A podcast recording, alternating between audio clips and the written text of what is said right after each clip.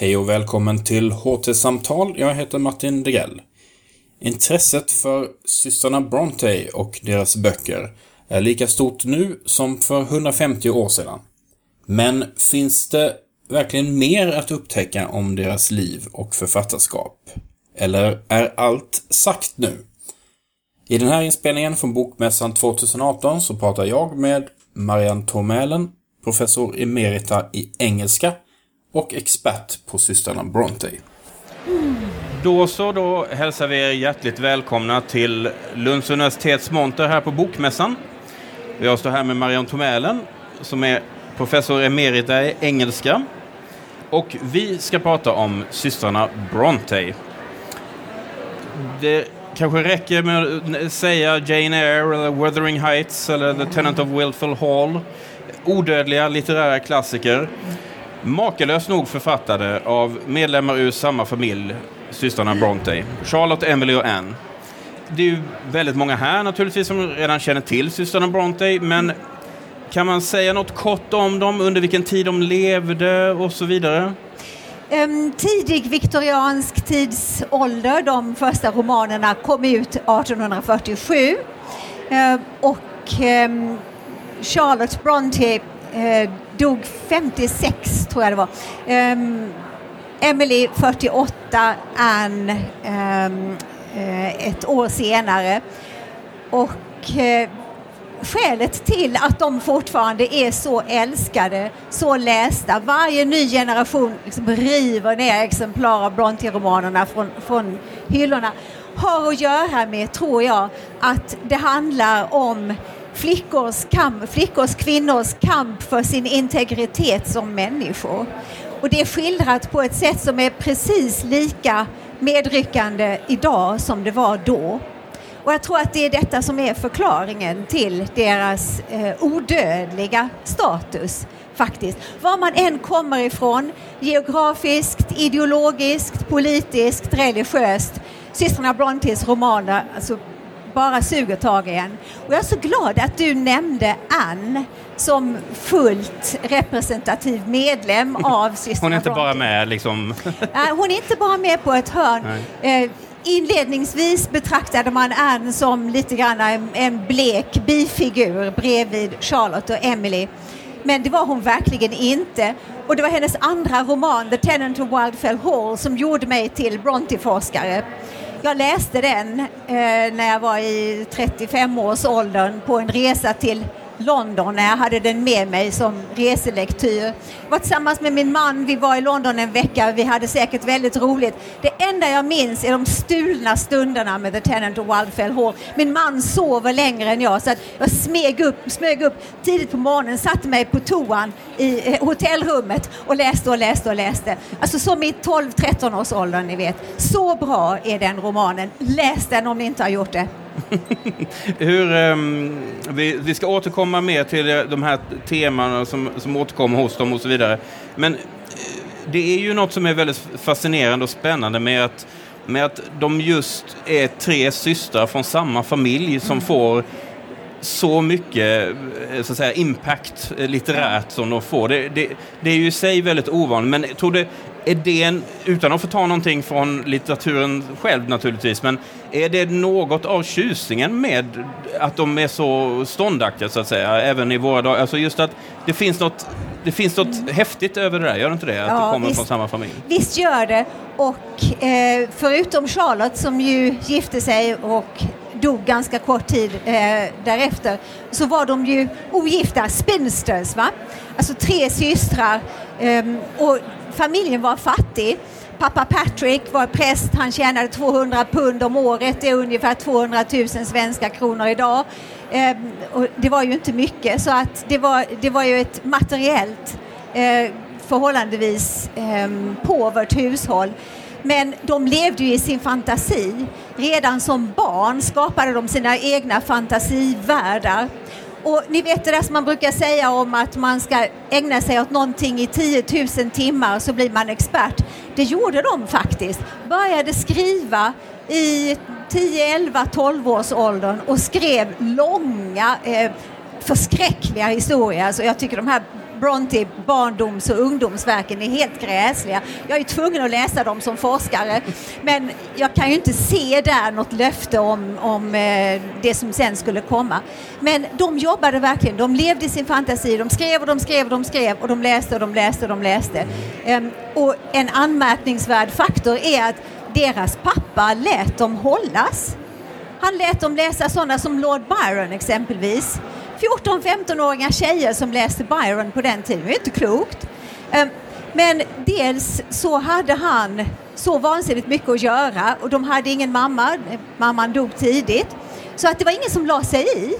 De hade sin fantasi, de hade varandra, de hade sitt skrivande, de hade sitt läsande.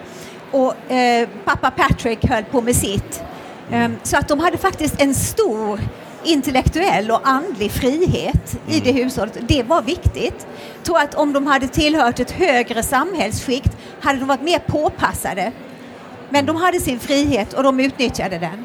Och just det här att, att de producerar så högkvalitativ litteratur i, inom samma familj, det gör ju naturligtvis att man blir också kanske mer intresserad av sig. under vilka omständigheter växte de här eh, systrarna upp. Alltså, man blir väldigt intresserad av miljön ja, och var de kommer ifrån. Ja. Och jag, jag vet mm. också att det, det är väl så också att eh, det finns nästan någon sorts turism kring eh, Nästan! nästan. Åh, jätteturism! Mm. Ni måste åka till Haworth. Det är helt underbart. Men om ni åker dit, försök undvika Eh, the high season, då är det väldigt mycket folk där. Men har ni ingen annan möjlighet än att åka i juli, augusti så gör det. Djungeln blommar då, det är så vackert. Men ni måste ligga kvar över natten så att ni har Haworth för er själva på kvällen och sen morgonen därpå innan turistbussarna kommer. Det är magiskt, det lovar jag.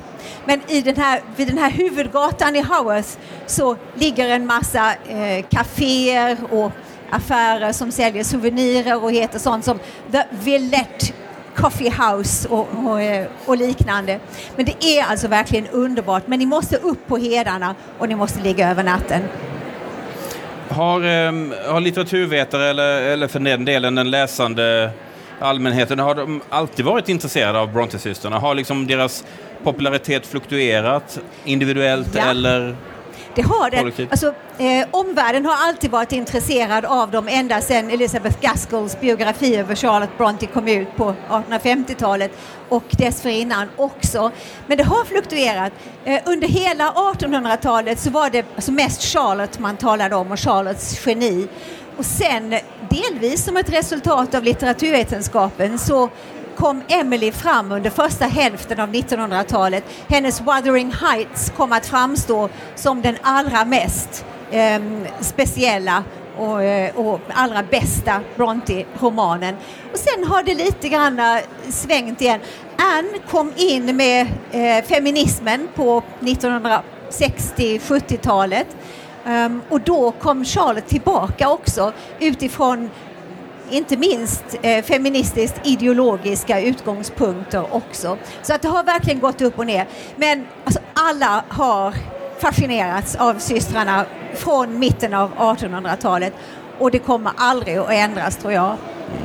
Du har ju själv ägnat ansenlig eh, tid och ja, energi åt att forska och skriva om systrarna, bland annat eh, den här boken, eh, Bro det, The Brontes in Context. Det är den senaste och den det är en sån här redigerad volym.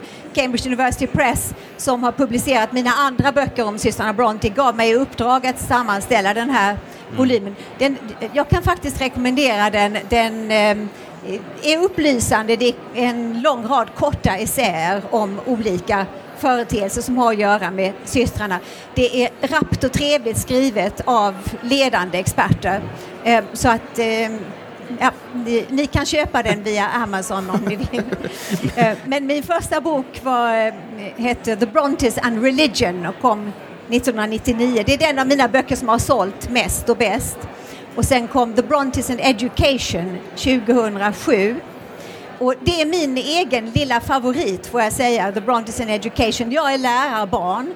Men inte förrän jag jobbade med, med, den boken insåg jag hur mycket mina föräldrar hade lärt mig om uppfostran och utbildning. Så att det blev lite grann av en av ett sent dotterligt tack till dem, den, den boken. Men eh, jag antar att du alltid har varit eh, ett fan, eh, men hur Ja. kom du in, just, hade, hade du alltid som ambition att, att liksom forska om dem också? Nej, det hade jag inte.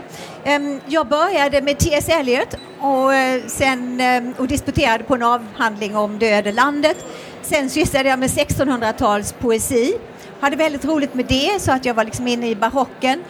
Och sen så upptäckte jag alltså The Tenant of Wildfell Hall. De där morgnarna på hotelltoan. eh, det hände någonting då. Och då kom jag fram till att jag ville skriva en bok som liksom räddade Anne och lyfte upp henne.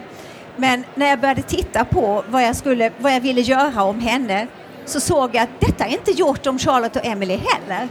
Så då blev det alla tre. Men eh, nej, jag tro, såg mig aldrig som en blivande Bronte-forskare när jag var ung. Inte. Jag skulle bara hålla på med poesi. Ehm, får gå tillbaka då till ehm, de idéer som då fortfarande känns aktuella för oss. Och sådär. Jag, jag kollade bara lite, roade mig med att titta på så här filmatiseringar och sånt. För det ju, eh, kan ju vara, det är en liten mätning på popularitet. Och bara under 2000-talet har Wuthering Heights då på olika sätt filmats eller satt upp som pjäs ett dussintal gånger. Jane Eyre har filmatiserats ett 20-tal gånger. Så vad är det då vi fortfarande... För många av de här uppsättningarna och filmerna i alla fall är ju liksom... Eh, de utspelar sig fortfarande rätt mycket. De är så att säga ofta trogna förlagan, i alla fall tidsmässigt. Så vad är det då med de berättelserna, för att återkomma till det vi inledde med, som är så fascinerande för oss fortfarande? Jag tror det är gestalterna själva till att börja med. Alltså, karaktärer är ju alltid väldigt viktiga. Man måste komma att bli intresserad av personligheterna. Man måste bry sig om vad som händer dem. Och så är det dramatiken naturligtvis och, och uh, the plotting. Och miljöerna är ju fantastiska också. I Jane Eyre exempelvis den här förskräckliga internatskolan ni minns och sen det ståtliga Thornfield Hall och sen eh, de vindpinade hedarna när hon är, är utkastad och utstött av samhället och sen så småningom då eh, hennes tid som byskolärarinna. Så fantastiska miljöer att ta vara på. Och Wuthering Heights ska vi ju bara inte tala om. Eh, sen tror jag också att det är eh, passionens intensitet i de här dramana. Det här är alltså, eh, det här är verkligen eh, romantik på högsta nivå. Samtidigt som eh, jag måste säga att vad gäller Wuthering Heights som jag slukade som 12 eller 13-åring och tyckte då var helt fantastisk. Och jag var ju helt på Catherines och Heathcliffs sida. Och så. Nu tycker jag de är helt förskräckliga. Ja, vedervärdiga människor. Catherine är ju inte klok och Heathcliff är ett monster. Hur i fridens dag kunde jag bara se den odödliga passionen där? Men ja, det är ungdomen alltså. Men eh, jag tror att det, att det är svaret på din fråga. Miljöerna, karaktärerna, dramatiken, passionen. Så vad finns det då kvar att skriva och forska om de här systrarna? Har, har varenda sten på heden vänts nu Nej, eller? du, det har den inte. Därför att under alldeles för lång tid så missade forskningen hur mycket man kunde eh, vinna när man läste Brontë-romanerna med kunskap om den samtida kontexten. Och det är det jag har sysslat med. I den här första boken, The Brontes and Religion, så visade jag hur eh, systrarnas författarskap samspelar med den religiösa debatten under deras tid. Deras pappa var ju, var ju präst och de hade eh, för sin tid oerhört avancerade teologiska föreställningar och uppfattningar. Och känner man till det så får man ut mycket mer av böckerna. Samma sak när det gäller The Brontes and Education där jag upptäckte att Charlotte Bronte som ju själv var erfaren pedagog hatade att undervisa Hon tyckte det var helt gräsligt. Vare sig det var som skollärarinna eller som guvernant, bara avskydde det. The old business, teach, teach, teach, skrev hon i ett, i ett brev.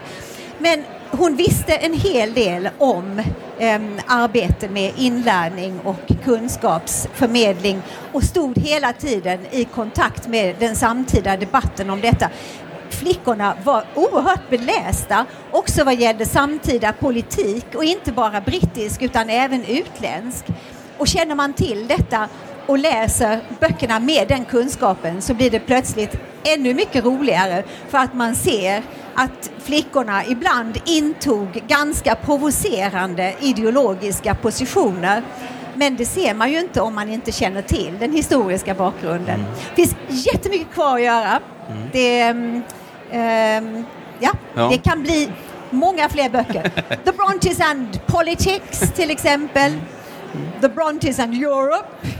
The Brontes and Brexit, no I don't think so. Uh, men, um... men, men avslutningsvis, vad kan, vi, kan du säga något om eh, deras eftermäle och arv. Alltså jag tänker bilden av familjen Bronte. Mm. Alltså Charlotte som ju var äldst, hon överlevde ju ja. så att säga eh, både Emily och Anne, bara, visserligen bara med ett par år men ändå. Men jag har förstått att hon på olika sätt formade lite grann bilden av familjen, eller? Ja, det gjorde hon. Hon formade den bild av Emily och Anne som eftervärlden fick. Och det har Charlotte kritiserats för mycket på senare tid.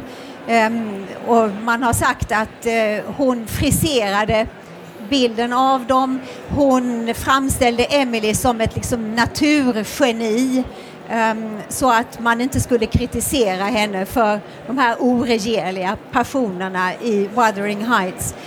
Jag tycker det är ganska självklart att hon gjorde det. Hon älskade sina systrar, hon sörjde dem, hon saknade dem, hon var den enda kvar av dem. Att hon ville att eftervärlden skulle tänka gott om dem, det är väl ganska begripligt. Ehm, vi kan tycka i vår tid att hon slätade över lite för mycket.